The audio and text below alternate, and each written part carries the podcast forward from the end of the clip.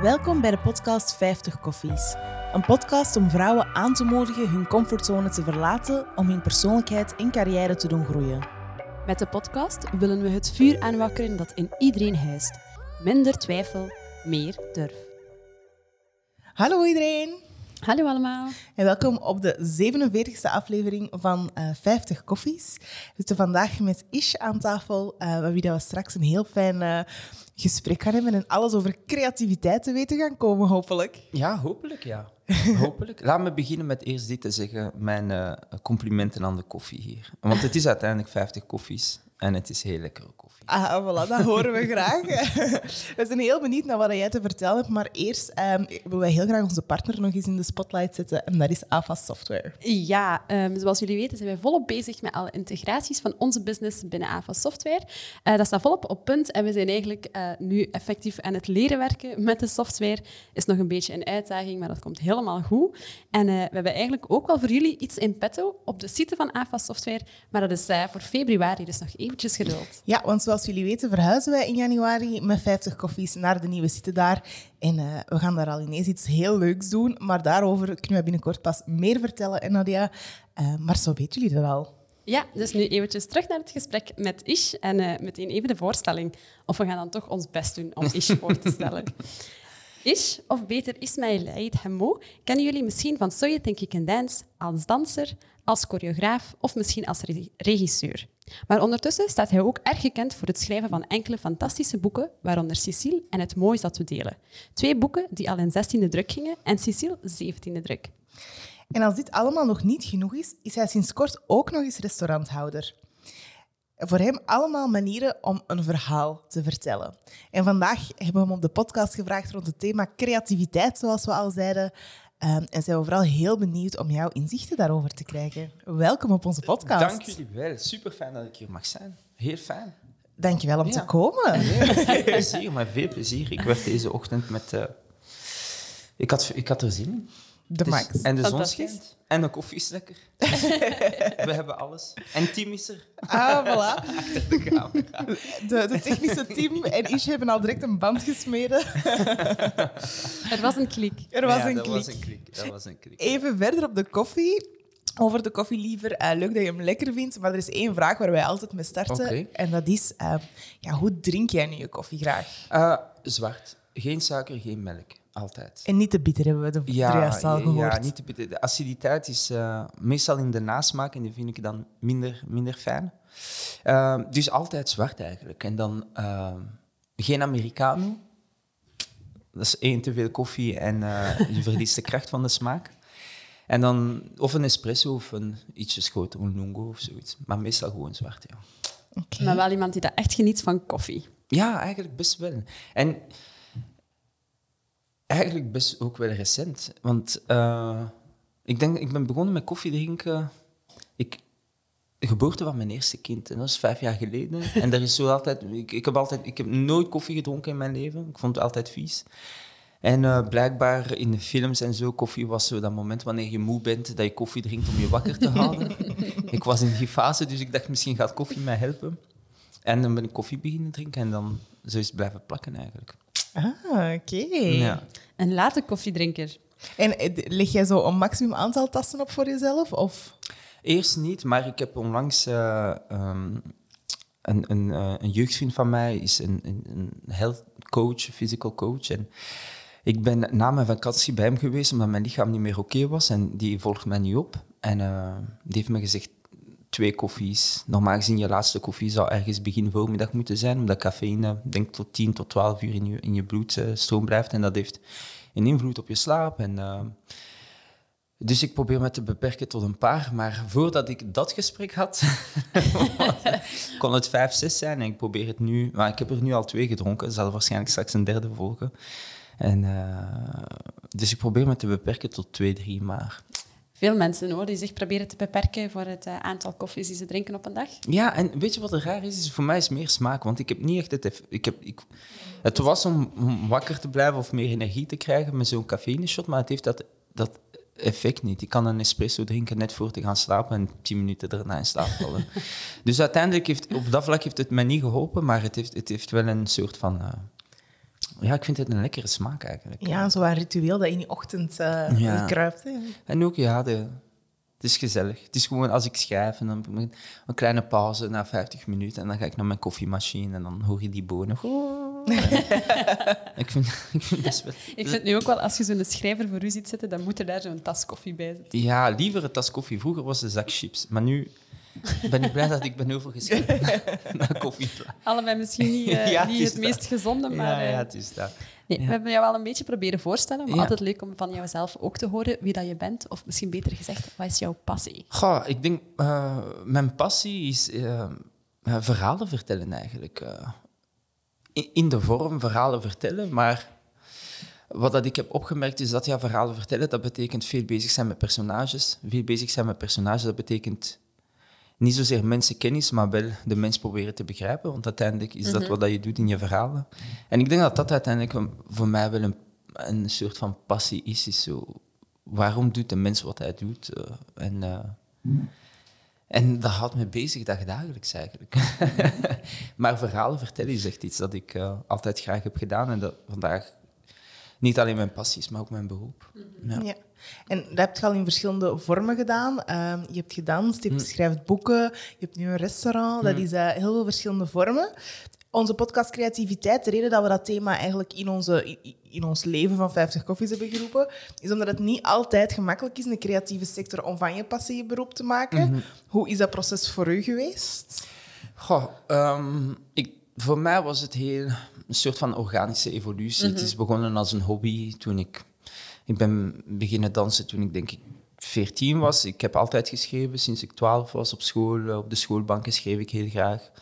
Ehm, dus voor mij was het heel geleidelijk aan. Het neemt veel meer plek in in je leven en dan begin je opportuniteiten te krijgen. De eerste is eh, lesgeven is een soort van job, eh, zonder dat je weet dat het een job is. Jij denkt op dat moment gewoon, ik krijg geld voor te doen wat dat ik altijd doe. En dan, en dan leer je steeds maar meer hoe dat het in elkaar zit. En je, je, je, op een bepaald moment, ehm, je geeft bijvoorbeeld les. En dan meestal is dat in de buurt. En dan geven ze je een kleine envelop met eh, ja, 15 euro was dat destijds voor een uurtje lesgeven. En heb je het dan over dansles? Ja, echt Ah, ja. dansles. En dan, op, wanneer dat je begint te beseffen, denk ik, in je hoofd, terecht of onterecht, dat het ietsjes meer een job wordt, is...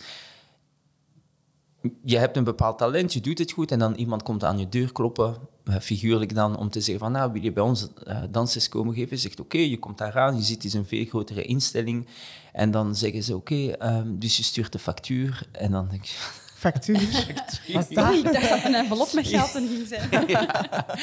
En dan denk je factuur en dan begint het, denk ik. eh, en dan in je hoofd begint het. Ah, oké, ik, ik zit nu in een fase waar dat een soort van administratie bij komt te zien. En hoe doe ik dat? En eh, wat betekent dat? En et cetera, et cetera. Maar heel organisch eigenlijk gegroeid. Tot op een bepaald moment dat je eigenlijk terugblikt en je denkt van, nou, eigenlijk eh, is dat mijn beroep geworden. Want wat is jouw beroep uiteindelijk? Denk ik, de meeste mensen associëren dat wanneer dat je wordt betaald. Dat is wanneer het een, eh, ja, een voldoende wordt betaald om te leven. ja, Ja, ja, precies. En dus vanaf het moment dat je genoeg verdient, dat je het gevoel hebt van, ah, dit is een soort van loon, maandloon, dan denk je, ah, oké, dit is mijn beroep geworden. maar zo, zo is het bij mij eigenlijk, eh, Oké. heeft het zo zi- zijn weg gevonden eigenlijk. Eh, nooit, ik kan me niet herinneren op een bepaald moment dat ik dan zei van, oké, ik ga er nu mijn beroep van maken. Een soort proactieve zoektocht en dan de beslissingen maken. Ik denk dat was andersom, was veel meer investeren in mijn talent dan, of in mijn passie, tot het groeide eh, in een situatie waar ik daar genoeg geld aan verdiende. En heb je dan het gevoel dat eigenlijk jouw passie misschien altijd al jouw job geweest is dan ook tegelijkertijd? Ehm, ik, ik kan me maar twee momenten herinneren dat ik iets anders voor geld heb gedaan. Eén keer was, denk ik, drie weken lang werken voor DHL. Maar laden en lossen. Zoals De manier waarop dat je het vertelt, echt de passie straalt ervan. Nee, dat was, dat was absoluut geen passie. Het was echt eh, geld. Veel geld verdienen, punt. Ik moest geld verdienen. Ik, ik, wou naar, eh, ik wou naar Amerika gaan, een jaartje studeren en ik had daar geld voor nodig. Eh, dat was toen ik 17 was en toen had ik dan de, een jobstudie in DHL. En dan een andere job was ook, eh, wat was dat nu weer? Ik weet het bedrijf niet meer, maar ik weet dat ik alleen was in een mega groot hangaar en ik moest kartonnen dichtplakken en opstapelen. en dat heb ik gedaan totdat ik... ehm, eh, ik heb mijn C4 gekregen toen ik werd betrapt na de middagpauze. Ik had zo, omdat je die kartonnen, het waren grote kartonnen, je moest aan één kant, dus alles wat geplakt was, moest aan de ene kant. En, en ik had daar zo'n soort van torentje van gemaakt. En dat was een kleine plek achter het torentje. En na mijn middagpauze ben ik daar in slaap gevallen. ze, hebben, ze, hebben, ze hebben mij daar... De baas had me, had me, had me daar gevonden, aan, aan het snurken. En toen zei hij, je mag je dag afmaken en dan, dan ga je naar huis en kom je niet meer terug. Ik maar dat vond je niet zo erg. Nee, dat vond ik niet zo erg. Op dat moment nee, vond ik het eigenlijk niet zo erg. En dan hier en daar, zoals de meeste jongeren, die jobstudenten. Ik, weet het, dat is een bedrijf in Viel voor de bananas. En dat was promo. Kennen jullie bananas? Ja. ja, ja. Ik herinner me heel goed dat ik eens in... En dat was voor Mobistar. Sindsdien ben ik... Ik had een Mobistar gewonnen, enfin, prepaid card. Tot die dag. Dan ben ik, ben ik overgeschakeld naar iemand anders. Was zo traumatisch van die kleuren van Mobistar. Toen was het nog groen en wit, maar ik moest in Leuven de hele dag met z'n tweetjes in zo'n groen pakje. En dan waren we zo human billboard. Dat is een, een, een trap op mijn schouder, horizontaal, en dan vijf meter verder mijn collega. En dan was er een banner op en je moest gewoon de stad in lopen. oh Eh, god, ja. my. Verschrikkelijk. Dat Maar, de typische voilà. studentenjobs. Ja, dat zijn de jo- studentenjobs. Ik weet nog dat de eerste keer dat ik een studentenjob deed, ik had er zo'n paar al gedaan in de eerste keer, maar ik had er een paar gedaan en ik dacht, oh, is deze nu werken? En ik moet daar nog steeds Wat- wat- wat was het? Ik heb ook dozen eh, moeten inpakken, dichtplakken Ah, en, maar voilà. en wegzetten. En dat was Was je niet in hetzelfde Hongaar als mij? Misschien, misschien. Het was in, het was in Hoogstraten. En eh, dan heb ik nog aan een kledingwinkel gewerkt, maar zo'n hele chique, waardoor dat er zo te veel staf was voor het aantal klanten. En waar je dan op de duur zo, ja, je, je stapeltje kleren maar, dan maar uit verveling omgooide, om het dan zo Om, het, om nog iets mee te doen. Ja. ja. er nog eens iets op te vouwen. Want dat lijkt me nog leuk. Nee, dat was echt... eh, horeca gedaan. Dat vond ik Altijd wel altijd leuk. Ja. Dat doe ik nog... Allee. Ja. Dat, is Dat zou ik nog altijd kunnen doen. Niet als fulltime job, maar dat vond ik wel altijd leuk. Ik amuseer me echt. Dus dat hoor ik van de meeste mensen die ik ken die in de horeca zitten. Er zit een soort van leuk. dynamiek. En, eh, Ja, zo'n community ook heel Ja, fijn. dat is Ja. Dat is, ja, er is wel zo'n met de collega's. eh, Ja. Dat is fijn tussen de collega's. En, eh, Ik heb receptionisten ge- gedaan, dat vond ik leuk. Zo telefoons en dan zo afrekenen en afspraken. En dan waren er drie telefoons tegelijk en dan moesten dat re- Dat vond ik wel leuk. Dat zie ik u wel doen. Ehm, ja, misschien dan ook heel even inzoomen op de jobs die je hebt gedaan in de creatieve eh, sector. Want je zegt, ik ben een verhalenverteller, superboeiend. Maar je hebt dat op heel veel verschillende manieren Ja. gedaan. Hè? Vertel eens. Ja, ja, ja. Ik, dans was er eentje, ongetwijfeld. Ehm, hoe specifiek je kan gaan met dans, dat hangt daar af van een soort van keuzes die je maakt en ook je talent die je hebt. Ik denk, ik had een soort van plafond. Ik denk dat ik niet heel goed was in het vertellen van verhalen met dans. Alvast heel goed in de zin van, er zijn heel veel verhalen die ik wou vertellen en het lukte mij niet meer. Eh, en zo ben ik eigenlijk verder gaan zoeken naar andere manieren om specifieker te zijn. Ik denk boeken, ik heb boeken geschreven. En theater is er eentje geweest. Radio, ik heb een soort... Op Radio 2 had ik een, eh, een rubriek, twee jaar lang, waar dat ik... eh, ik had met de jaren heen ontzettend veel mails gekregen van mensen die mij in verhalen toe vertrouwden. En sommige waren me echt bijgebleven.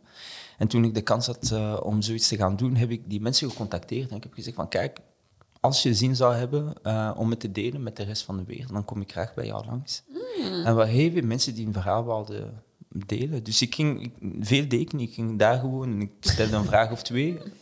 En dan vertelden zij gewoon een verhaal. Dat heb ik gedaan. Televisie is ook een vorm van verhalen vertellen. Ik denk op een andere vorm, dat heb ik ook mogen doen en kunnen doen.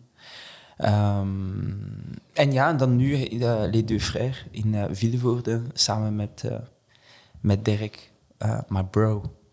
een geweldige, geweldige, geweldige chef en host. En dat was ook de bedoeling dat we eigenlijk... We noemen het onze, onze, uh, onze tagline is uh, Comfort Food and Stories. En dat was natuurlijk voor de corona en nu gaan we dat eindelijk opstarten. We zijn al open, al meer dan een jaar. Dus was meer een takeaway, nu onlangs open binnen. Maar de bedoeling was wel om alles wat ik overal organiseerde. Ik organiseerde heel vaak lezingen of mm -hmm. uh, van mezelf, van andere mensen. En dat is altijd op zoek naar een plek gaan waar dat je dat kan doen. En nu hebben we onze eigen plek. Dus de bedoeling is dat we dan verhalen daar binnenbrengen. Uh, mensen die kunnen eten en tegelijkertijd boeiende mensen uitnodigen om ja, te wisselen of workshops te geven of uh, Ah, gesprekken te voeren met mensen. En eigenlijk onze stad, onze enfin, Vilvoorde, beschouw ik als niet mijn, mijn stad, maar als mijn thuis. En dan de mensen van, van onze buurt eigenlijk toegang te geven tot heel wat boeiende mensen die, die ik heb leren kennen met de jaren heen en die deel maken van mijn netwerk. En dus dat is ook een soort van verhaal. Het is een heel ander soort van businessmodel. Maar het Ja, zijn het wel verhalen die ik probeer te brengen, want ik kan niet koken. Ik, denk, ik denk dat Dirk meer verhaal vertelt met zijn eten, omdat hij echt... eh, ik vind het fijn als hij uitlegt hoe dat hij tot een soort van recept komt. Is ook, dat heeft ook een begin, midden, einde in termen van verhalen. Eh, en dat deed hij ook vaak met de mensen. En vanuit mijn perspectief is het eerder eh, hoe dat ik mijn netwerk kan binnenbrengen. Ja. Nu, vandaag ben je denk ik heel veel bezig met schrijven, Ja. verhalen schrijven, regisseren, films maken. Maar ik denk dat er nog een heel aantal mensen zijn die dat jou kennen als danser Ja. of als choreograaf. Ja. Wordt die connotatie nog veel gemaakt met danser als mensen tegen jou spreken? Zien ze jou nog als danser? Eh, Ik, ik denk het wel, sommigen alvast. eh eh, maar ik krijg ook steeds maar meer... dat mensen ontdekken dat ik ooit heb gedanst. Dan denk ik, Ah, ah, ja. ja. was je danser? Ik zeg, ja. ah ja, dan zeggen ze, ah, ik vind... Dat is eigen aan de, aan, aan de Vlaming, denk ik. eh. en dat is iets dat ik fijn vind, is zo... Altijd dat, niet zozeer dat ik het fijn vind dat mensen zich verontschuldigen, maar ik vind het, ik vind het iets liefs hebben als mensen zeggen, oh sorry, dat ik, ik zeg, oh je moet niet sorry zijn. Oh sorry, ik ken je alleen maar van je boeken. Alsof het verkeerd is dat je me van ergens... Ik zeg, ik vind het altijd fijn dat je weet wie ik ben. Eh, maar, eh, maar natuurlijk, het heeft deel gemaakt. Ik denk voor een grote deel van het publiek werd ik bekend dankzij So You Think You Can Dance. Het zou gek zijn dat mensen mij daar niet meer, eh, of, eh, of die connotatie niet zetten. Maar dat verandert natuurlijk, want dat is ook al jaren geleden. En ondertussen... Hoe lang is dat al geleden? Ik weet het niet meer. Is het zeven jaar of zoiets? Kan dat? Langer, denk ik zelfs. Of acht jaar. Enfin, want ik heb vier jaar... Ik was vier jaar choreograaf en dan zeven jaar jurylid. Dus mijn avontuur met Think heeft zeven jaar geduurd. Ja, dat is lang, hè? Dus als je kijkt naar het begin, dat is zeven jaar, plus de jaren tussen mijn laatste werkdag daar en vandaag is al een paar jaar. Dus Ja. En vandaag dans je niet meer. Je hebt het daar straks Nee, ja, ja. eh, voor, ons, voor onze start van de podcast al verteld. Ja. Maar zou je dat misschien nog eens kunnen vertellen? Je danst Ja, niet ja, meer. ik dans niet meer. Al jaren niet meer. Ik denk de laatste keer dat ik echt heb gedanst, en dat was denk ik een minuut. Dat was tijdens mijn theatervoorstelling. Ik had een theatervoorstelling aangenaam, ik ben Ish. Dat was een monoloog. Duurde bijna een uur en 45 minuten. En één minuut gedanst tijdens een uur en 45 minuten, omdat het eh, nodig was binnenin het verhaal dat ik vertelde. Maar dat is de laatste keer eigenlijk. Ik, eh, ik dans af en toe met mijn kinderen. Enfin, mijn kinderen zijn, luisteren heel graag naar Bruno Mars. en eh, dan, zeker de jongste, dan, dan danst hij altijd. En dan probeer ik altijd een beetje te dansen en te laten zien dat ik kan dansen, maar ze hebben geen enkele interesse. Ik zie dat jullie thuis met de kinderen uh, choreograaf, allez, choreografieën maken voor kerst of want voor... meestal sta ik dan tussen eh, hen en de tv. eh, en dan kijken ze wie is Bruno Mars. en dan denk ik van, ik dans veel beter dan Bruno Mars. Dat gaat nog een gevecht worden later. Ja, die hebben geen interesse op dit moment. dus dat zit eigenlijk. Oké. Ja. En van waar de reden om te stoppen met dansen? Heeft dat... Ik denk, ik, ik denk, eh, maar nooit echt een bewuste keuze geweest. ehm, om te stoppen, ik denk heel organisch opnieuw, zo ja, minder interesse, minder... Ja, je wilt andere dingen doen en dan besef je dat je gewoon minder tijd doorbrengt met de dans. Je bent er minder fysiek en mentaal mee bezig. En dan, dus ja, dus zo... Ja, zoals soms in films zie je dat, zo'n koppel getrouwd is en dan gaan ze voor een echtscheiding zonder dat er een ruzie is. En dan hoor je in die dialogen, als ze een gesprek hebben met hun vrienden, I don't know, I just it didn't click anymore. There's no love anymore. En dat is een beetje hetzelfde gegeven. Uh, maar dan heb ik bewust, een paar momenten heb ik wel bewust alles wat... Zelfs een paar dingen die misschien wel interessant zouden kunnen zijn met dans, heb ik dan bewust niet gedaan of geforceerd om niet te doen, omdat ik mijn carrière wou uitbouwen in, het, in, in, uh, in het schrijven en literatuur. En omdat ik weet wat de realiteit is in ons Vlaamse landschap, dat heel hokjesdenken uh, een soort mentaliteit is. Um, wij hebben geen Amerikaans model. In een Amerikaans model iemand kan een Oscar winnen, een Emmy winnen, een Grammy winnen en even gerespecteerd zijn in de domeinen waarin ze zitten, muziek, theater, Broadway, film. Als ze daar het talent voor hebben en als wat ze maken goed is. En wij hebben eerder hiervan, je bent of de BV of je bent literatuur of je bent dans. En een danser die schrijft, dat begint met de bias dat het boek niet zo goed zal zijn, of niet even goed, of niet even serieus, of niet even literatuur als iemand die gewoon Literatuur heeft gestudeerd. literatuur, literatuur heeft gestudeerd of gewoon komt vanuit de literatuur. In de zin van opgegroeid daarin in dat wereldje. En andersom ook. ehm, Hoe dus komt dat, denk je? Dat is cultureel bepaald. Je, je is zo... Ik, ik weet niet van waar het komt. Het zou een interessante thesis kunnen zijn voor iemand. Om het te gaan uitleggen Ideetjes. waarom, dat we, waarom dat het eh eh, hok is. Denk. Ik denk dat we moeilijkheden hebben met eh, multidisciplinair zijn en multi... eh, ja, je merkt het ook gewoon als het gaat bijvoorbeeld, laten we zeggen, identiteit is zo. Het is moeilijk een Vlaming zijn en deze bijvoorbeeld Marokkaans zijn te verzoenen. Dat je even Vlaming kan zijn, maar ook een deel een andere identiteit hebben. We hebben moeilijkheden met alles wat multi is. Om dat tot één te brengen. Om dat het in te brengen en aanvaar- of, of in te zien van, ah wauw, ja, ja, ja, dat kan helemaal eigenlijk. eh. Het, het is alsof ene moet boeten voor het andere. Ja, hybride zijn, dat kunnen we niet zo goed accepteren. Ja, hybride Ja. Is, zo, is, is een soort van mentaliteitsding. En ik, ik, ik besefte dat... eh, enfin, ik, ik denk dat dat niet echt een grote ontdekking van mij...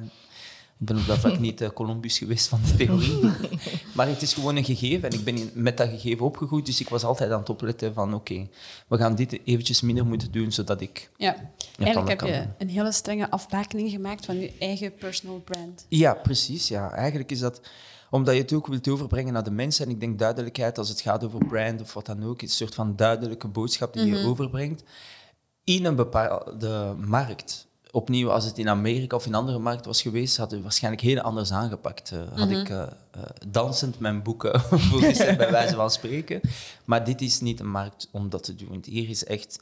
Dat is een bepaalde sfeer dat, dat, dat, hangt en je moet heel duidelijke keuzes maken. Eh, En af en toe wel creatief zijn. Dus af en toe laat je wel iets toe, maar nog altijd...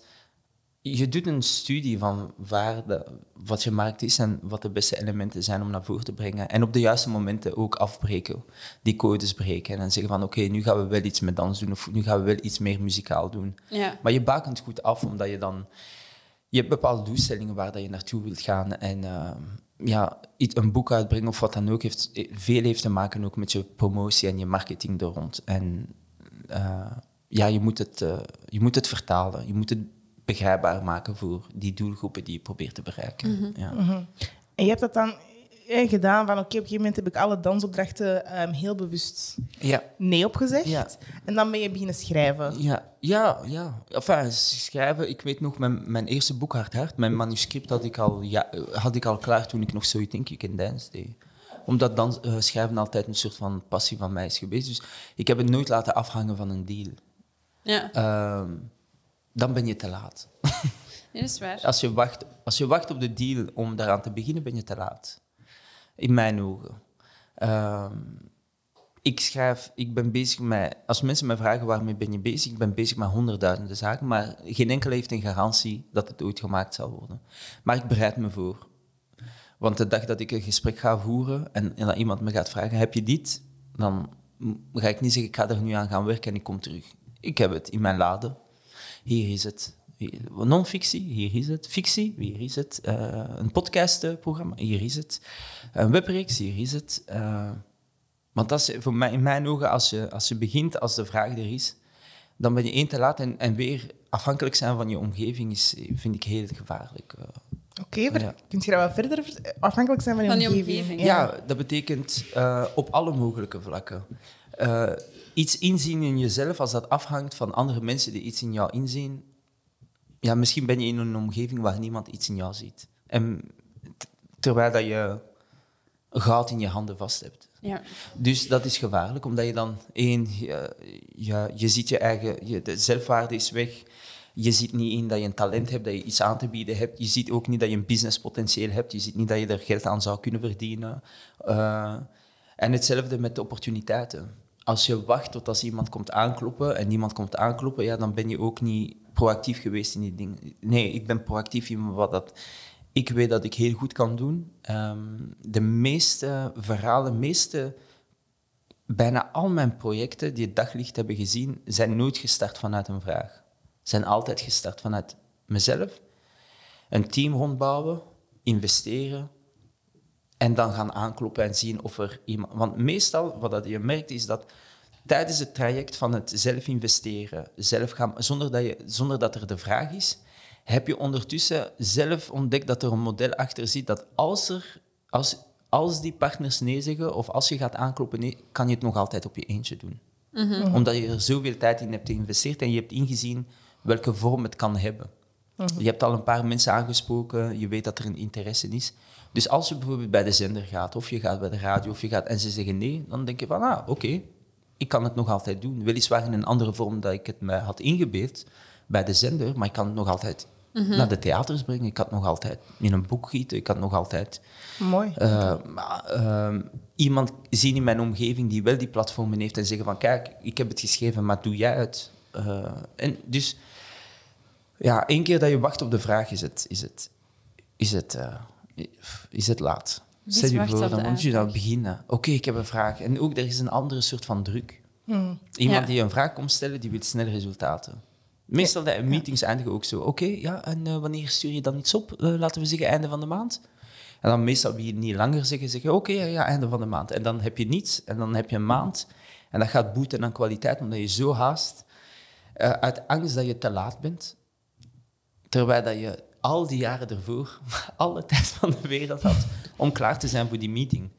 Uh, dus mijn, waar dat ik uh, een soort van trots in vind, is als ik een meeting heb en, en zeg van oké, we zouden graag iets willen lezen, uh, wanneer zou je iets kunnen doorsturen? Twee weken heb je het. Mm Ik ga het eventjes terug nachecken. Ja, ja, ja. en niet, ik ga eraan beginnen, maar ik ga het even nachecken. En dan stuur ik het door. Ik vind dat een heel mooi inzicht over hoe je met je eigen creativiteit moet omgaan. Um, in combinatie met dan dat zelfvertrouwen op te bouwen, om dan dat effectief ook uit te werken en daar wel streng op te zijn naar je eigen toe. Omdat inderdaad, net zoals dat je zei, heel veel mensen wachten op een vraag om er dan aan te beginnen. Ja, ja uiteraard. En, en, en, en, en, en los van de tijd die je daarmee wint, uiteindelijk, is ook het, wat dat ik heb geleerd, is uh, in meetings krijg je negen keer of acht keer op de tien en nee. Dat is, dat is bijna een gegeven. En sommige mensen gaan het misschien minder hebben, maar meestal krijg je nee of uiteindelijk gaat het niet gebeuren. En als je enkel jouw energie haalt uit die meetings, dan ga je snel denken van... Ik, je, je, je wordt geconfronteerd met niet negativiteit, maar gewoon ja. uh, nee. nee. Ja. Als ik werk aan iets, elke dag eindigt met een ja. Omdat ik, ik ik ben vooruit geraakt. Ik kan nog altijd kritisch zijn en denken van dit, dit voelt nog niet goed aan of ik moet hier aan werken. Maar ik heb dus wel een stap gezet. Ik mhm. ben aan hoofdstuk 2. Mhm. En mijn, mijn dagen zijn meer gevuld door Positief. positiviteit. Ik, ik, mijn, de filmprojecten schrijf ik met mijn oudere broer, Monier. En gisteren stuurde ik, de, ik, ik, stuurde hem een bericht, want gisteren uh, hebben we dan een, een treatment uitgestuurd uh, met productiehuis met wie we werken voor een van die films.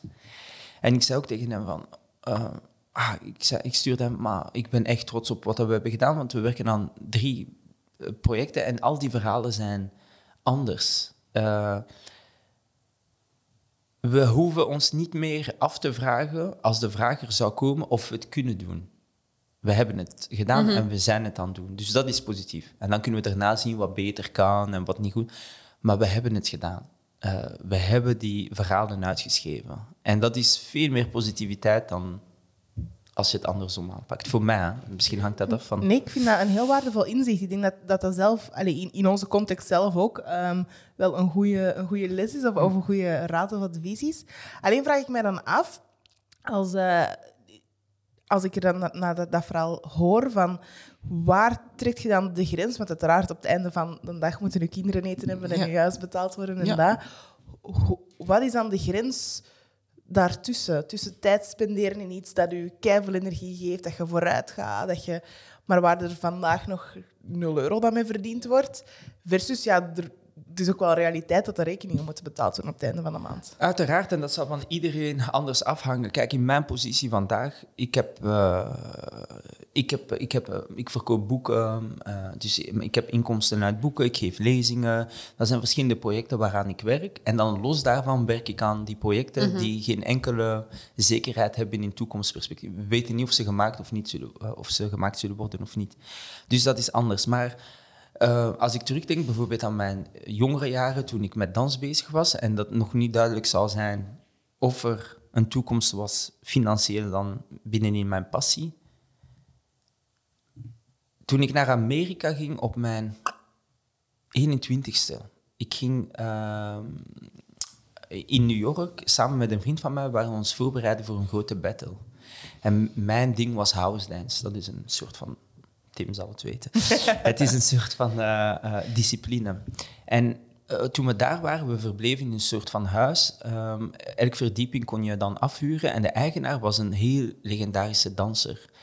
Archie Burnett. Hij is een, zo, soort van voorvader van wacking. En mm -hmm. dat is ook een, een dansgenre. En op een, het was zijn verjaardag en we gingen dan, uh, het was een feestje, en dan om vier uur s morgens waren we zo in een soort van diner, uh, dat 24 of 24 ook was, we waren koffie aan het drinken en pancakes aan het eten. En hij vertelde eigenlijk dat hij, uh, hij is 30 jaar een, werkt, hij, nu is hij op pensioen, maar 30 jaar lang heeft hij gewerkt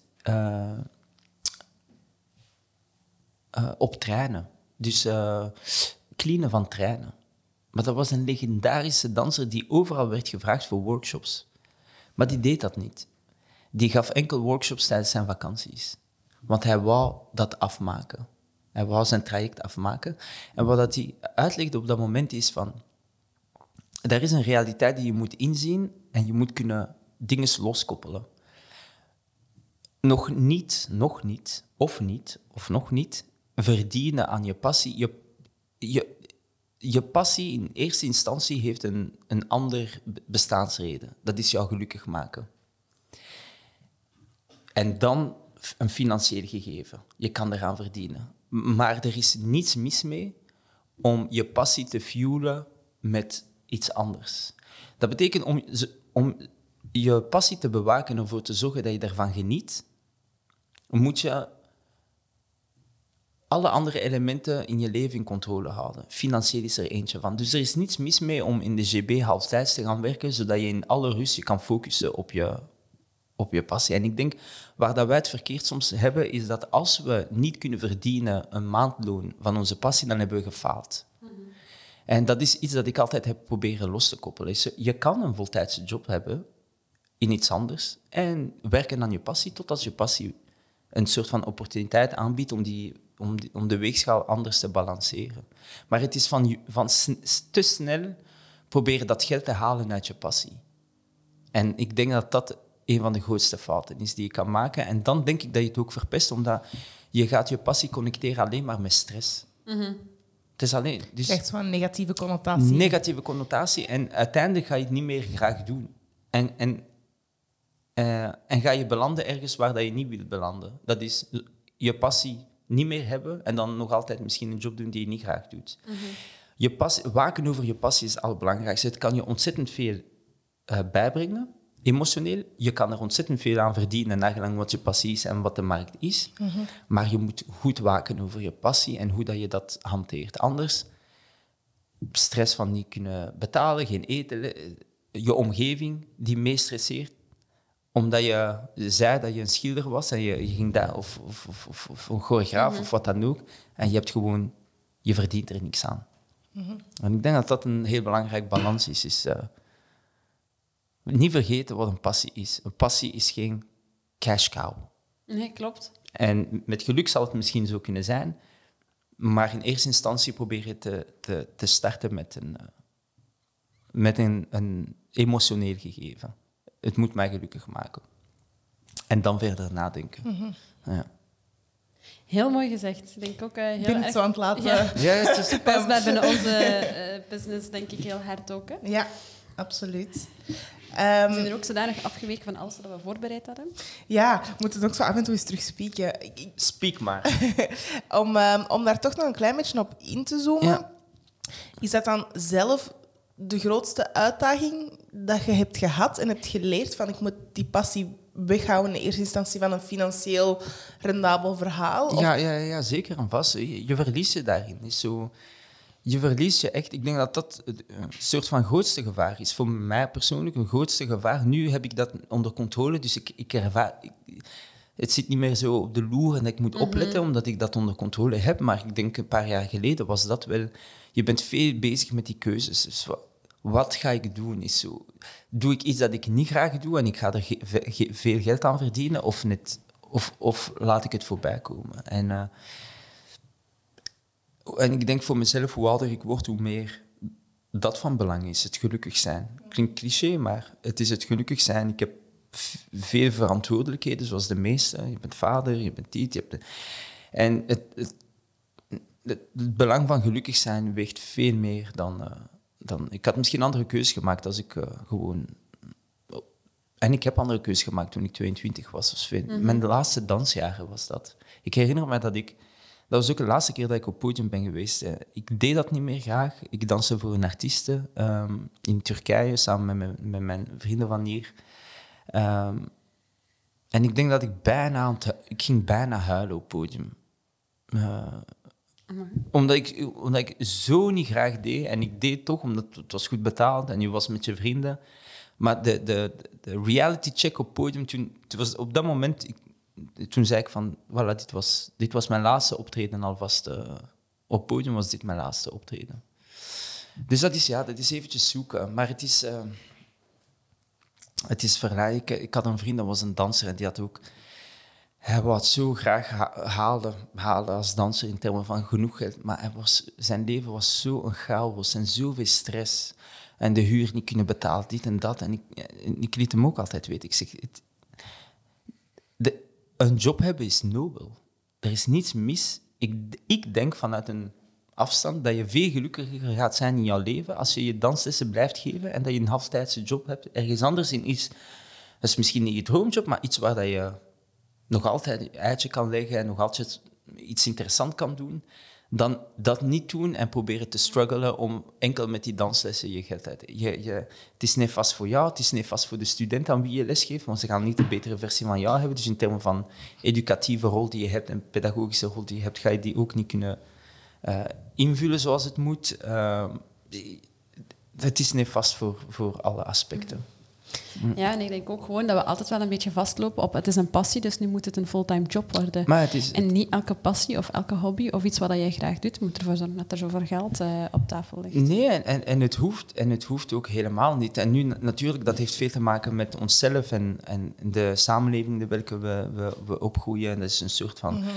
eh, m- mensen zeggen heel vaak, eh, eh, bijvoorbeeld tegen mensen, oh, is eh, wauw, succesvol en dit en dat. En ik heb zoiets van, oké, ik heb een paar dingen gedaan die, die goed hebben gewerkt. Als, ik, als je me zou moeten vragen, kun je me aanwijzen een soort van succesvolle persoon die je kent? Ik zou, ja, mijn vader. 40 jaar in een fabriek gewerkt, bijna nooit ziek geweest, altijd.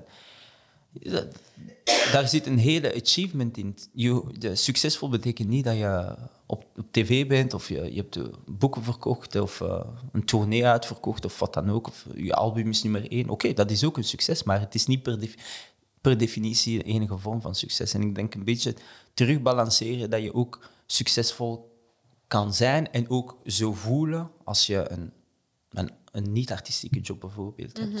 Dus ik zou meer opteren voor de combinatie en, en waken, nu dat ik een soort van 15, 20 jaar, zelfs meer eigenlijk, combinatie dans en schrijven ervaring heb, is zo ja, waken over eh, je passie. Want dat is mijn meest waardevolle skillset dat ik heb. Eh, dus ik moet erover waken. Mooi. Je werkt ook heel veel samen met andere eh, artiesten, jonger, mensen met al meer ervaring, een beetje Ja. een mix, denk ik. In de creatieve sector zitten heeft andere uitdagingen dan in een andere sector zitten. Wat zijn zo de, is, is dat dan de grootste uitdaging die je bij iedereen ziet? Of zijn er nog andere dat je zegt van, goh, zo met creatieve mensen, dan zie ik altijd dit patroon terug, of dan zie ik toch vaak die uitdagingen naar boven komen? Er zijn een paar, eh, een paar, eh, een paar zaken die ik zie. En dat, dat gaat misschien ook afhangen van eh, welke sector. Kijk, de, de, dans, de, de danssector. En als ik het heb over danssector, dan heb ik het niet over dansers die in een gezelschap zitten, want dat, dat zit al veel meer, dat is al veel strakker. Maar voor de freelancers en zo, alles wat met contracten te maken heeft, is een enorme struggle.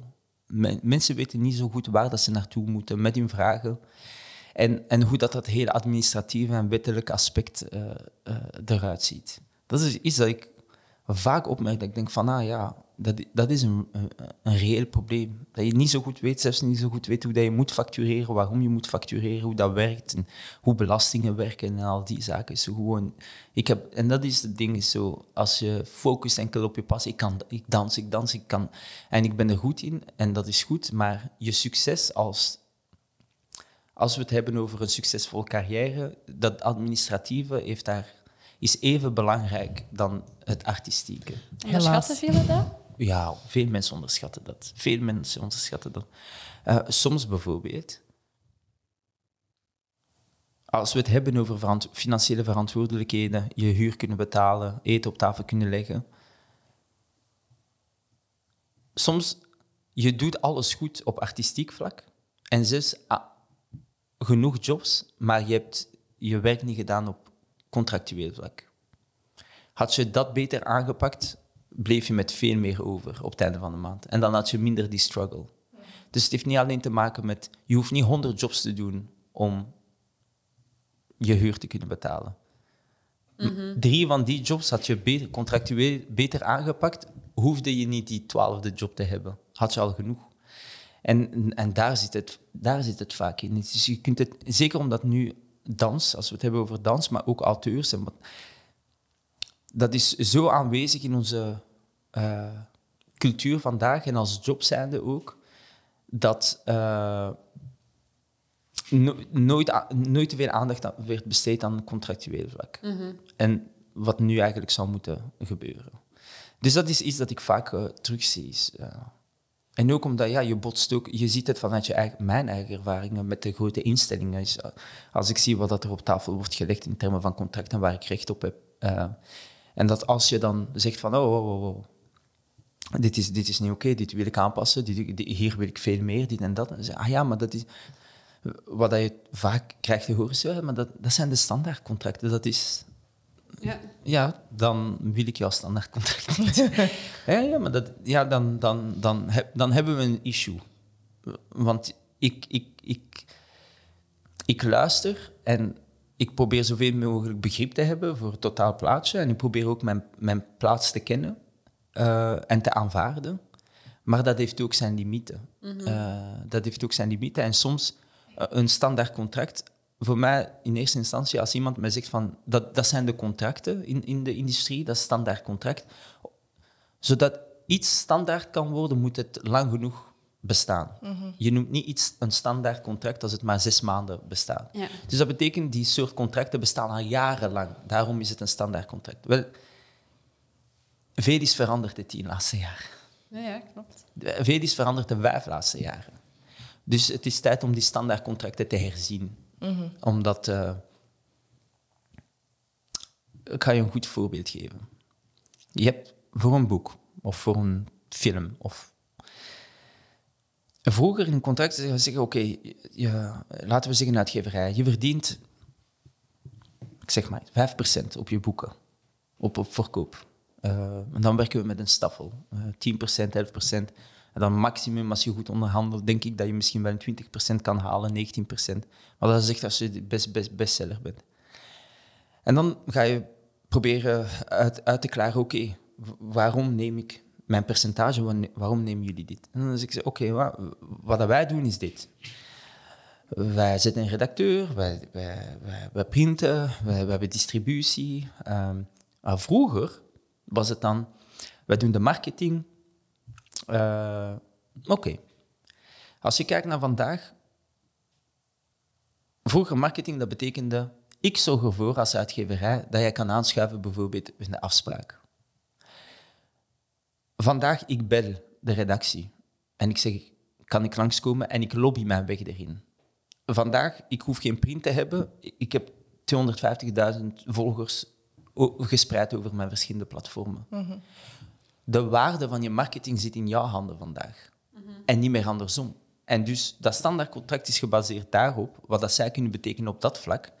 Maar wat dat jij inbrengt in termen van marketing, jouw following, als je die hebt. En vandaag heb je die, zelfs kleine cijfers hebben veel, is een veel grotere following dan wat wij vroeger kenden uit print. Print be- betekent niet dat je, dat je boek of foto is in een magazine, heeft niet veel waarde.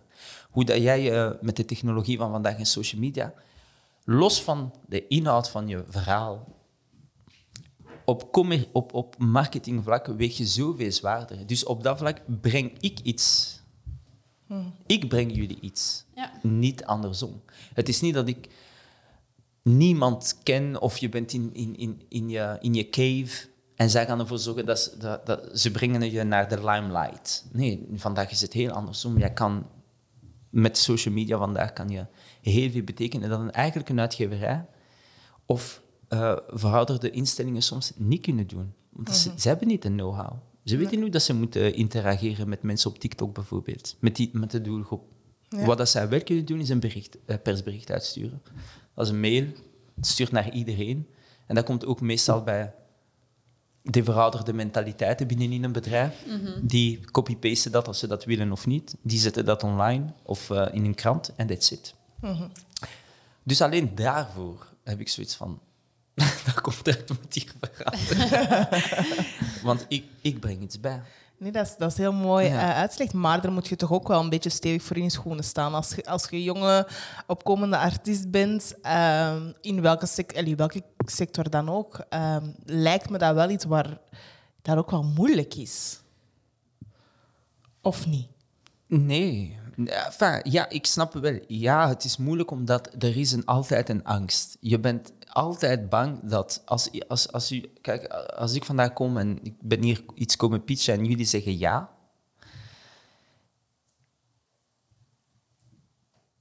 er kan een situatie gecreëerd worden waar ik zo blij ben dat het eindelijk gaat gebeuren. Dat als je mij zegt, je wordt niet betaald, dat ik mogelijk ja zou kunnen zeggen als mijn angst erin... In, als het zo belangrijk voor mij is dat het gebeurt. Nu is de vraag voor elke maker, wil je dat het gebeurt of wil je dat het gebeurt onder goede omstandigheden? En dat is de grote vraag. Nu, natuurlijk, ik ben in een positie met, met jaren van verkeerde keuzes te hebben gemaakt, dat mijn minimum is anders dan tien jaar geleden.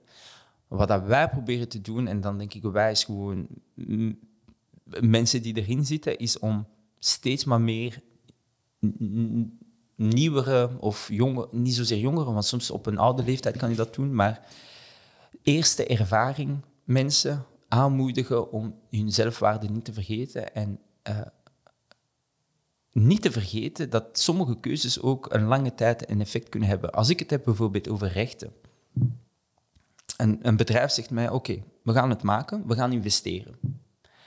Oké, zij brengen geld in dat ik niet heb. Zij doen een investering. Daar moet iets tegenover staan. Maar dat moet nog altijd correct zijn. Als jij me zegt van, je, wordt betaald, maar je, je hebt bijvoorbeeld geen rechten. Vandaag dan denk ik van, los van het feit dat, dat, dat ik het niet oké vind dat ik niets bijvoorbeeld zou ontvangen in rechten, maar dan denk ik van, ik ga bijvoorbeeld een boek schrijven of ik ga een film maken. Waarom? Stel je voor dat het een succes heeft. Later, op een latere leeftijd, eh, bestaat dat werkstuk nog. Daar kan van alles nog mee gebeuren. Waarom zou ik dat aan jouw kinderen geven en niet aan mijn kinderen? Als het mijn rechten zijn, mijn kinderen kunnen dat erven. Als ik mijn rechten weggeef, ja, dan, is het, dan, is het, dan is het jouw legacy. Dan is, het, dan, is, dan is mijn werkstuk niet meer een werkstuk van mijn kinderen, het is van jouw kinderen. Zij kunnen met de rechten gaan doen wat dat ze willen. En dat is iets dat mij steeds, steeds maar meer... Als ik, als, als ik denk aan rechten, dan, dan denk ik steeds maar meer aan dit. Oké, wat laat ik achter aan, aan, aan mij? Want het is, het is van ons. Het is van ons familie. Het is, weet je, het, het is... Mijn kinderen inspireren mee of geven mij meer dat gevoel, dat happiness, dat ervoor zorgt dat ik beter kan presteren en dit en dat. Maar inderdaad, als je in het begin aankomt, dan is een soort van angst. En dan is natuurlijk de vraag van, oké, tot waar wil je zo graag dat het, dat het plaatsvindt dat je bereid bent om alles weg te geven? Of, of ga je zeggen van oké, oké, dan doe ik het niet.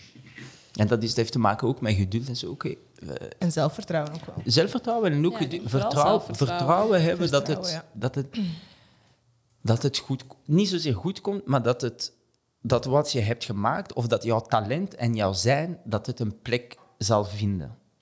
Dat is het. Is soms één opportuniteit. Je denkt vaak, het is nu of nooit. Als ik nu nee zeg, dan zal er nooit niks van komen. En meestal heeft dat te maken met het feit dat je nog niet genoeg vertrouwen hebt in wie je bent. En niet zozeer wie je bent karakter, maar wat dat je aan te bieden hebt. Ja. En dat, oké, is fijn. Het is geen goede deal. Ik ben zo overtuigd dat wat dat ik maak zo goed is, of zo uniek, of zo speciaal, of, of dat het speciaal genoeg is en goed genoeg is om een plek te kunnen vinden in twee jaar, in drie jaar, in vier jaar, in vijf jaar. Ehm, en dat is, dat, is een, dat is een balans. Maar ik, ik zou iedereen aanmoedigen om niet zozeer die route op te gaan, maar steeds maar meer na te denken over die route en wat het betekent. Ja. Eh, Het is ook moeilijker om er vanaf te stappen. Als je altijd gratis of, of heel light betaald werk doet, om, om, om dat te veranderen, versus in het begin misschien bepaalde grenzen te trekken voor jezelf en u er altijd aan te houden, lijkt Ik- me. ja, dat is, eh, dat is denk ik een belangrijke. Is vanaf het begin is, ik, ik had dat gehoord tijdens een interview van Dave Chappelle. ehm, eh, die, die, zijn vader zei tegen hem: zet, zet je grenzen en je regels voordat je eraan begint, niet tijdens of daarna. daarna. Eh, voor wanneer dat je nog lucide bent en, en, en dat je niet wordt verleid door een opportuniteit of roem of, of wat dan ook, dat je dan, dan je, je, je grenzen zet en zegt van oké, ik doe het enkel onder deze omstandigheden. Ja. Ja. En dat is nu misschien één, ehm, één aspect van waar dat jonge creatievelingen misschien mee te maken krijgen, is dat je aan tafel zit en dan het contract niet goed doorneemt, of, Ja. of daar een grote fout in begaat, in begaan. Maar ik denk wat er ook heel veel voorkomt bij, in de creatieve sector, is ehm, misschien dan terug op het voorgaande wat je zei. Als je maar begint nadat de vraag komt, ja. dat je met een heel lang denkproces zit, nog vooraleer, vooraleer dat je eigenlijk gaat gaan uitwerken. Dus dat je heel veel werk steekt in de conceptvorming van een bepaald project. En dat eigenlijk dan pas de nee komt, eh, of er komt een nee en ze voeren het zelf uit. Ben jij al in zo'n situatie terechtgekomen? Ehm, eentje. Ehm, eentje gekomen, maar het, het ding is, was, het is moeilijk een beetje te... Het is moeilijk te... Het leek er heel erg op. Het is moeilijk te pinpointen of het 100% zo is of niet. Ehm, dus dan is het ook weer een keuze van jezelf. Eh, wat ga je jezelf aanpraten? Zeggen dat het werd gestolen en verder gaan? Of zeggen van het, het kan gebeuren dat er heel veel similariteit is en verder gaan. Maar dat gebeurt heel vaak. Je hoort heel vaak verhalen ehm, van, van mensen die, die, waar dat je pitcht en pitcht en pitcht en dan, eh, dat ze dan zeggen en dat ze dat iets anders doen. Ik hoor heel veel verhalen, bijvoorbeeld zo bij de VRT, dat dat vaak gebeurt. Eh, ik denk dat ik ook een tijdje geleden had gelezen op een, iemand, een journalist tweette eh, met de vraag zijn, als er mensen zijn die dat hebben meegemaakt bij de VRT, manifesteer je. Dus blijkbaar eh, is dat iets dat, dat vaker daar is gebeurd. Hè. Maar dat is iets dat je, dat je, dat je vaak hoort. eh. En wat doe je dan? Bescherm jij jezelf dan daar misschien voor door dat idee al op voorhand te hebben uitgewerkt en inderdaad niet te wachten tot een vraag komt Ja, om je maar- eigen project Eh, so, dat hangt af in, wel, in welke vorm. Dat zijn, er is een soort van regelgeving. En sommige zijn heel moeilijk te, te, zijn heel moeilijk te claimen. Ik weet bijvoorbeeld in de televisiewereld, als je een programma zou maken, je hoeft maar een paar elementen van het programma te veranderen, dat het een ander programma is. Ja. Dus je kunt, eh, een manuscript is al, is al anders. Eh, er is bijvoorbeeld, als je schrijft, eh, ik ben aangesloten bij de auteurs. En als je schrijft en er zou bijvoorbeeld een discussie zijn tussen jouw scenario en het scenario van iemand anders, of als iemand anders al heeft gewerkt aan scenario en jij bent erna opgekomen, je, je stuurt het naar, naar de gilde eh, en, die ver- oh, sorry, en die vergelijken beide. En dat is een neutraal orgaan en die vergelijken beide. En dan kunnen ze zeggen van het is helemaal anders of het lijkt 10% op of wat dan ook. Ja. Dus je hebt wel organisaties dat, die, die tussen kunnen komen, maar het is, het is heel moeilijk om, je, om sommige eh, van je projecten een soort van waterproof eh, te kunnen bewijzen dat Ja. het jouw idee is. Eh, je hoeft er, maar, zoals ik zeg, je hoeft er maar een paar dingen aan te veranderen. En meestal veranderen ze ook de minder goede dingen in je project. Want je project is niet altijd... 100 net Ja, wanneer ja. je het pitcht, is net om het te gaan goed uitwerken. Mhm. En meestal veranderen ze de minder goede dingen in de heel goede dingen. eh, eh, waardoor dat het eh, anders lijkt en beter is dan jouw ja. oorspronkelijk idee. Maar hoe moet je daar dan mee omgaan als creatieveling die dat dan een opportuniteit krijgt voor een tv-zender of een radiozender en je krijgt de opportuniteit om een project uit te werken, je werkt het uit, maar ze gaan er dan niet mee verder. Dus je hebt al zoveel uren in, het werk, allee, in, het, in de conceptvorming gestoken.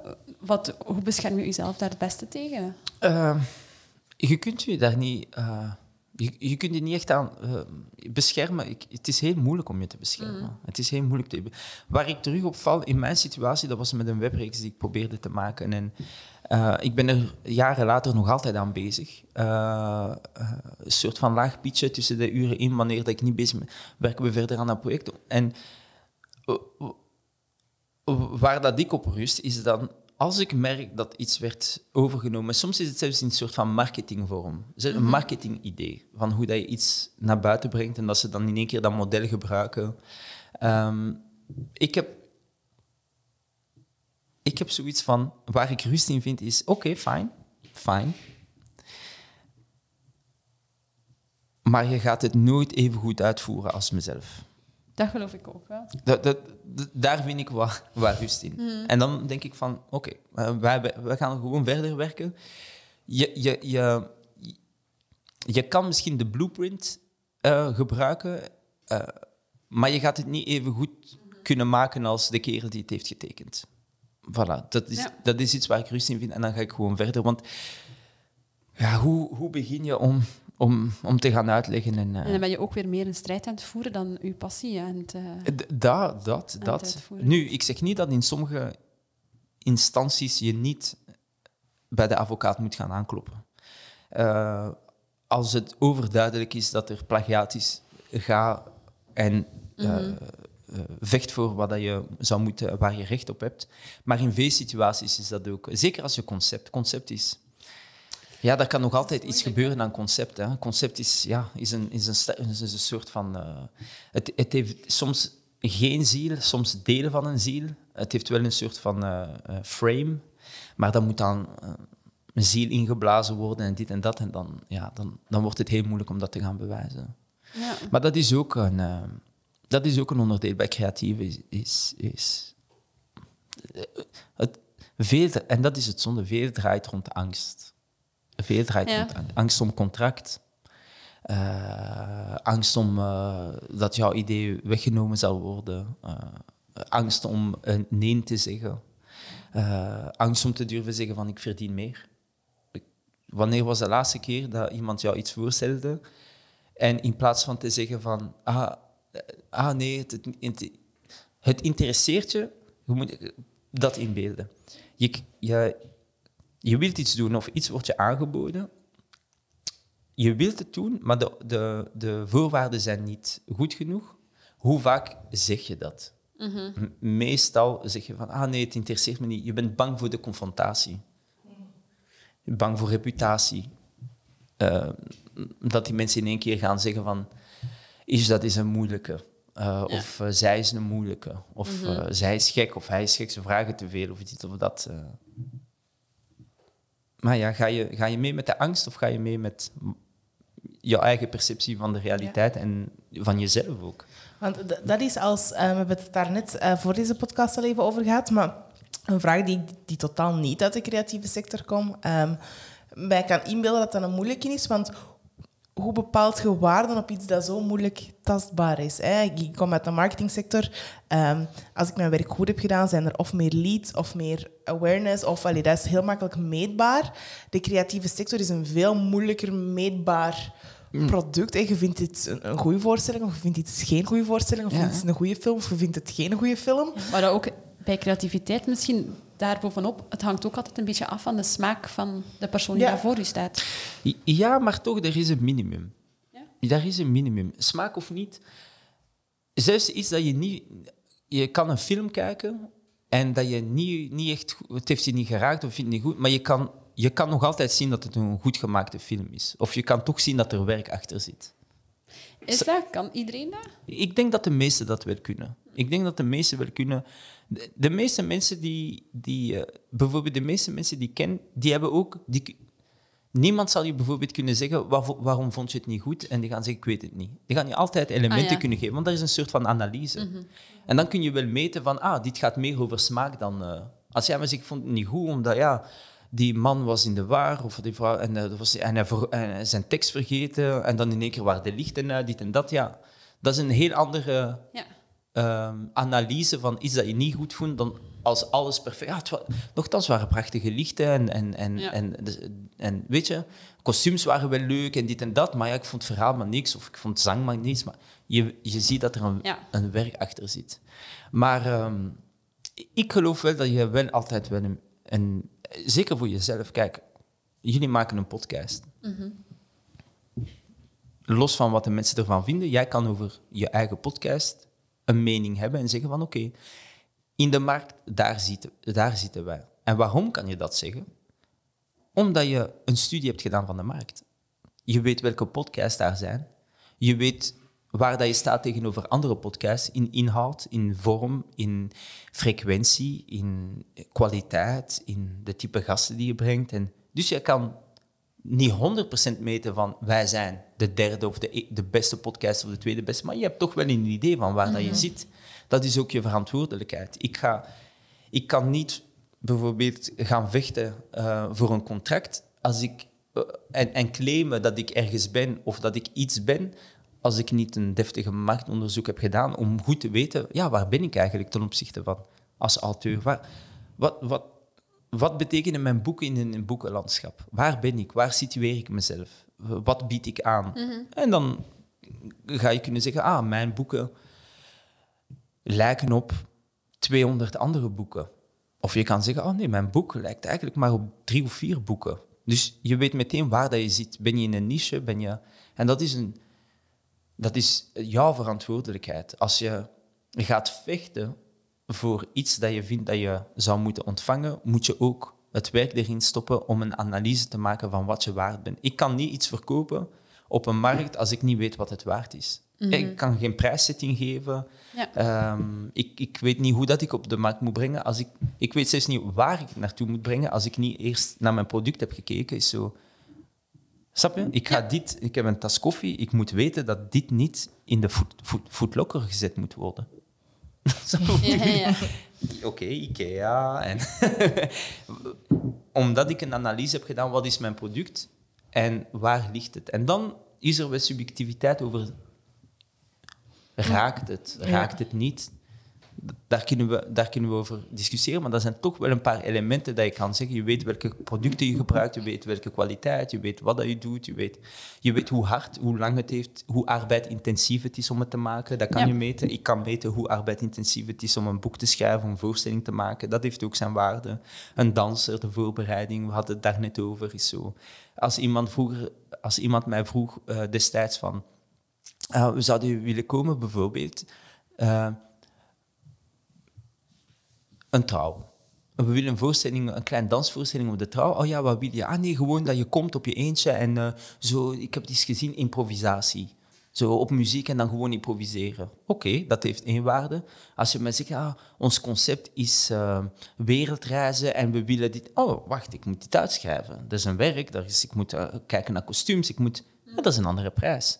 Dus beide zijn dans, maar je moet kunnen situeren wat is mijn product en waar plaats ik het. Dus ik geloof wel dat je wel altijd een minimum... Het is heel subjectief hoe de kijker, de consument, is heel, de ervaring van de consument is heel subjectief. De ervaring voor de producent is minder subjectief. Ja. En dat is iets dat je nooit mag vergeten. Voor een producent en het iets maken is goed meetbaar. Hoe dat de kijker en lezer en de persoon die gaat eten... Ja. Ja, ik, ik weet, als wij bij De Frère een pasta maken, ik weet niet hoeveel, als jij die pasta eet, wat dat jij vindt dat het waard is. Ik weet wel wat het kost om het te maken. En dat is het verschil tussen beiden. Ja. Ja. Dus analyse.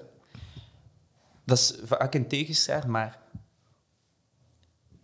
kunst, de narratief van kunst is vaak Gut feeling en Ja. ja. Go with Eh, the flow. Dus en wanneer Matthew het moment McConaughey komt. in, eh, in Wolf of Wall Street doet hij zo'n geluid. Woezie, woezie. maar eigenlijk, dat zit heel veel eh, analytische eh, oefening ook. eh. Eh, ik, ik, ik, ik, hou zo, ik, ik ben zo bezig met meten van alles. Op een obsessieve manier. Omdat ik net omdat, omdat ik dan, dat bewapent me de volgende keer dat ik aan tafel ben. Als ik bijvoorbeeld een boek, als ik promo doe voor mijn boek, ehm, eh, een goed voorbeeld. Eh, voor het mooiste dat we deden, hadden we samenwerking met Standaard eh, Boekhandel voor pre-orders. Mensen konden een pre-order plaatsen, ik zou tekenen. Als ik een post zette, mijn, toen we aan tafel waren, en dat we hadden precies dat we dat gingen doen, een van mijn voorwaarden was dat ik alle toegang had tot cijfers.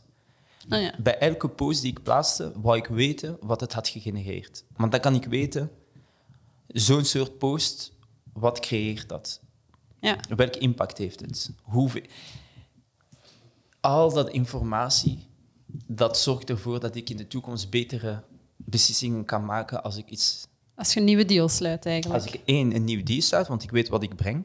Ja. Weet je, als ik aan, aan, als ik aan de, de standaard boekhandel bijvoorbeeld goed en met statistische cijfers kan uitleggen van die 1200 pre-orders, 1190 komen van mij en mijn netwerk en 10 komen maar van bij jullie. Stappen? Dan de volgende keer dat we gaan praten over een pre-order, zal het over een ander deal gaan, want ik heb een precedent. Ik kan aanwijzen wat ik genereer. Dus los van het creatieve dat ik breng en of je wel of goed eh, niet vindt dat mijn verhaal uniek is of wat dan ook, vergeet dat even. Laten we zeggen, ik heb blanco pagina's in mijn boek. Er is geen verhaal. Er is alleen maar een cover. Dit is wat ik genereer. Ja. En wat genereren jullie? Zodat als we praten, hoef, dan ben je niet meer onder de indruk of weet je dat het een soort van bubbel is als we zeggen, ja, we, hebben we hebben 100 winkels in Vlaanderen en, eh, voor de promo. Dan denk ik, oké, ja, maar die 100 winkels eh, leveren bijvoorbeeld niet zoveel als vijf van mijn posts. Ja. Dus één post van mij is zoveel waard. Dus als je mijn kanalen wilt gebruiken, dan als ik bel naar de morgen en ik vraag, mag ik alsjeblieft een eh, foto van mijn cover eh, op de voorpagina zetten? Die gaan me zeggen, oké, dat is dan zoveel euro bijvoorbeeld, of in de advertenties. Dus als iemand wil adverteren via mijn platformen, ja, dat is dan dit waard. ja, absoluut. Ja, en dat is... De, analyseren is belangrijk. En dat betekent niet af en toe dat je gewoon zegt, ah nee, het is oké, gratis. Of het komt beter voor mij uit, dus ik zal het doen. Dat is nog altijd een beslissing, maar het is tenminste een beslissing gebaseerd op, Op cijfers. op cijfers en wat je weet. En dan is het jouw keuze om te zeggen, ik factureer of ik factureer niet. En sommige mensen vinden dat een beetje raar om te doen, of maakt niet uit wat het is, maar analyse is belangrijk. Ja, meten is weten, absoluut. Mhm. En misschien dan daarbovenop is ook, gelijk dat je het net gezegd hebt, je eigen marketingsysteem uitbouwen. Ja, En daar die groei ook voorzien voor jezelf. Dat je niet afhankelijk bent inderdaad van andere grote instanties Ja. om je product of je project dat je maakt, om dat te gaan promoten. En eerlijk gezegd, ik, ik kijk naar de, de, het potentieel van social media en dan kijk ik naar de platformen hier. En eigenlijk ook als ik kijk naar... Nee, Amerika, Amerikaans model is gewoon, daar wordt zoveel... Als je kijkt naar een film, ehm, het budget van de marketing overstijgt het budget van een film maken. Ja. Zoveel zetten ze in marketing. Dus je bent zo overal dat het wel zijn effect heeft. Maar als ik kijk naar ons Vlaamse landschap, ik denk eerlijk gezegd, ik kan me niet zo goed... Ik heb nog geen ehm, eh, gevallen gezien de laatste jaren waar ik denk dat het beter werd uitgevoerd dan In Amerika. Nee, nee, dan wat jij zelf zou kunnen doen Ah, ja. als je werk. Ja, ik, je, je moet, je moet me een, een- proberen een voorbeeld te geven. Ik, ik heb het over de artistieke wereld. hè. Dus met, met, met het budget waarmee eh, uitgeverijen, zenders spelen voor marketing, dat je denkt van, wauw, ja, dit is, dit is dope. Want eh, ik denk dat er inderdaad hier wel iets, eh, dat de mensen iets nederig zijn. Want als je dan kijkt naar de theaterwereld, Studio 100, die dat erin geslaagd is om dans. Is het dans? Ja. Dames. Theater, dames, ah. Ehm, om dat theater te, allee, theaterstuk zoveel jaar lang Ja. zo te laten overstijgen in cijfers, dat eigenlijk iedereen dat nooit naar theater is geweest, wel overtuigd is geweest Ja. om naar dat stuk te gaan kijken. Wat gebeurt er daar dan? Want ik heb daar dan ook niet overdreven veel marketing. Studio 100 is een brand, is een, is een mega Is het dan door de personal branding van Studio 100 dat het mensen En overtuigt? ik denk dat er wel heel veel marketing... eh, Ja, toch? Ja, ja, ah, heel veel marketing. En, en, is en, ook een- en los daarvan, voor mij, de, de, de marketing is zo... Ik heb altijd zo... ehm, wat is het succes van een volle zaal? Iets dat interessant zou kunnen zijn, in dit geval, is zeven mensen die geen theaters... Of die niet naar theaters gaan, die wel gaan. Voor mij is dat een groot succes. Mhm. Want je hebt een doelpubliek kunnen bereiken. Daar dient je meestal je marketing voor. De, de, de, de tweede lijn en derde lijn Ja, gaan. die eerste lijn heb je sowieso mee. Daarvoor heb lijn je heb je. eigenlijk geen marketing nodig. Eén keer dat ze het horen dat er plaatsvindt, ja, ze, dus ze komen Ja. dan bij de tweede lijn. Hoeveel lijnen bereiken ze? En wat, wat voor geld staat daar tegenover in marketing? Mhm. Dat is voor mij een goede meetbare eh, eh, soort van succes. Is zo, hoeveel geld hebben we erin gestopt om een nieuw doelpubliek te kunnen bereiken? Ja. Die tweede, derde, vierde, vijfde, zesde. Tot welke lijn ben je geraakt met het geld dat je erin hebt geïnvesteerd? En als ik kijk naar de meeste zaken, heb ik zoiets van...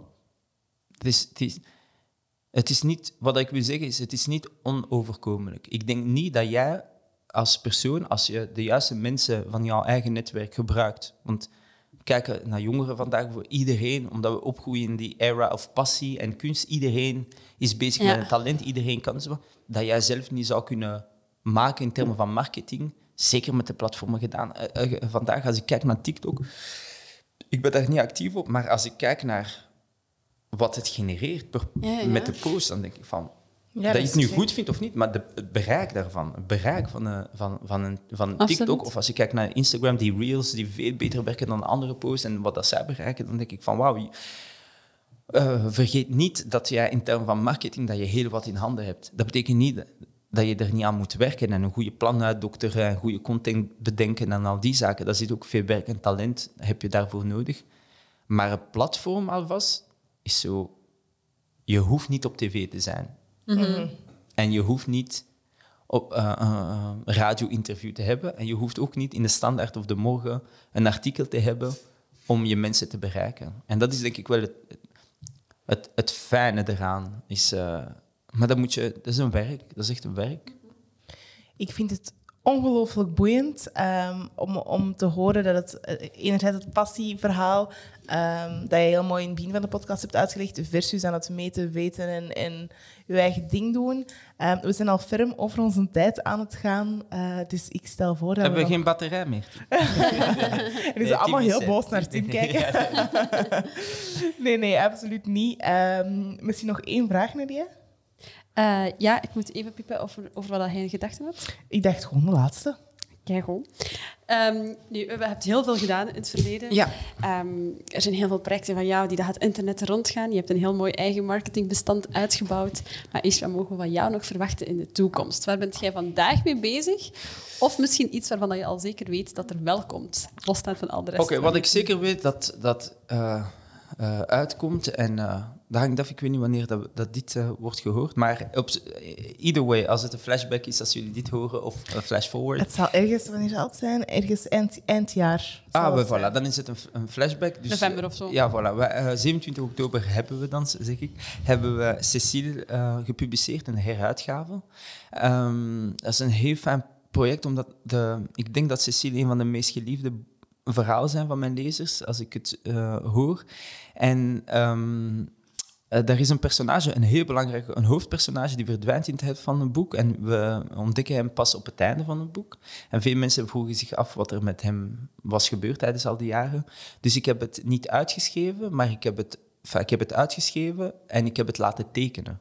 En dat wordt de heruitgave. Het is het boek zoals ze kennen, maar daar zitten veel tekeningen in die een soort van meanwhile zijn. Dus tijdens de hoofdstukken mm. krijg je tekeningen van wat er ondertussen aan het gebeuren is met die hoofdpersonage, die je dan op het einde okay. van het boek terug zal vinden. Misschien heel even belangrijk voor de, onze luisteraars die jouw boek nog ja. niet hebben gelezen. Over wat ga, kan je een ah, klein... ja, Cecile gaat over uh, Djibril, een klein jongen in het zuiden van Marokko, dorp, uh, uh, soortgelijk dorp waar mijn vader vandaan komt. En die na een bezoek van een toeriste, Cecile, zijn, zijn, zijn, wordt weggetrokken, uh, ongewild wordt weggetrokken van zijn uh, plek, zijn familie. En die gaat bijna 40 jaar lang ronddwalen op zoek terug naar zijn, zijn thuis en zijn mama uiteindelijk. Okay. Dus daar gaat het verhaal over. Dat is één zaak. En dan zijn we... Um, Uh, wacht, we zijn dan in december. Waar ik nu aan werk zijn drie filmverhalen. Um, elk verhaal is ietsjes verder in het stadium over het niet wachten. Wacht nooit als je films of iets beschrijft. Wacht nooit twee zaken tot iemand je vraagt om een film te schrijven, als jij dat zou willen doen. En belangrijker, wacht nooit om aan je tweede of derde te werken, ook al is die eerste nog niet gemaakt. Dus wacht niet tot als je gedaan hebt met je eerste, voordat je begint aan je tweede. Omdat tussen elk, zeker in film, daar zijn jaren tussen. Uh, dus stel je voor dat je vijf jaar moet wachten voordat je aan je volgende begint. Mm dus voilà, dat is hoofd, We hebben een paar andere projecten met Untold Stories, mijn productiehuis met Yves. Maken we heel wat content uh, en ook samen voor de Arenberg uh, hier in Antwerpen.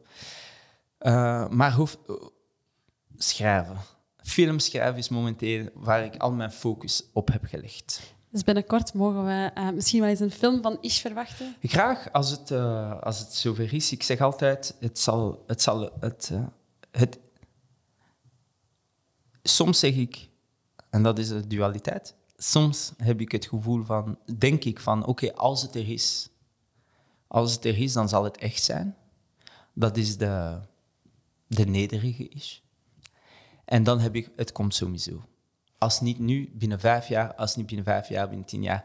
Maar een langspeelfilm, of de film waaraan we werken, en in mijn ogen de drie filmen waaraan we werken, zullen alle drie bestaan. Uh, of het nu doorgaat met de partners met wie we nu samenwerken, of we daar subsidies voor krijgen of niet. But it will happen, omdat we er hard aan hebben gewerkt, omdat het, het goede verhalen zijn, omdat wij geloven dat ze een plek hebben in, in een landschap.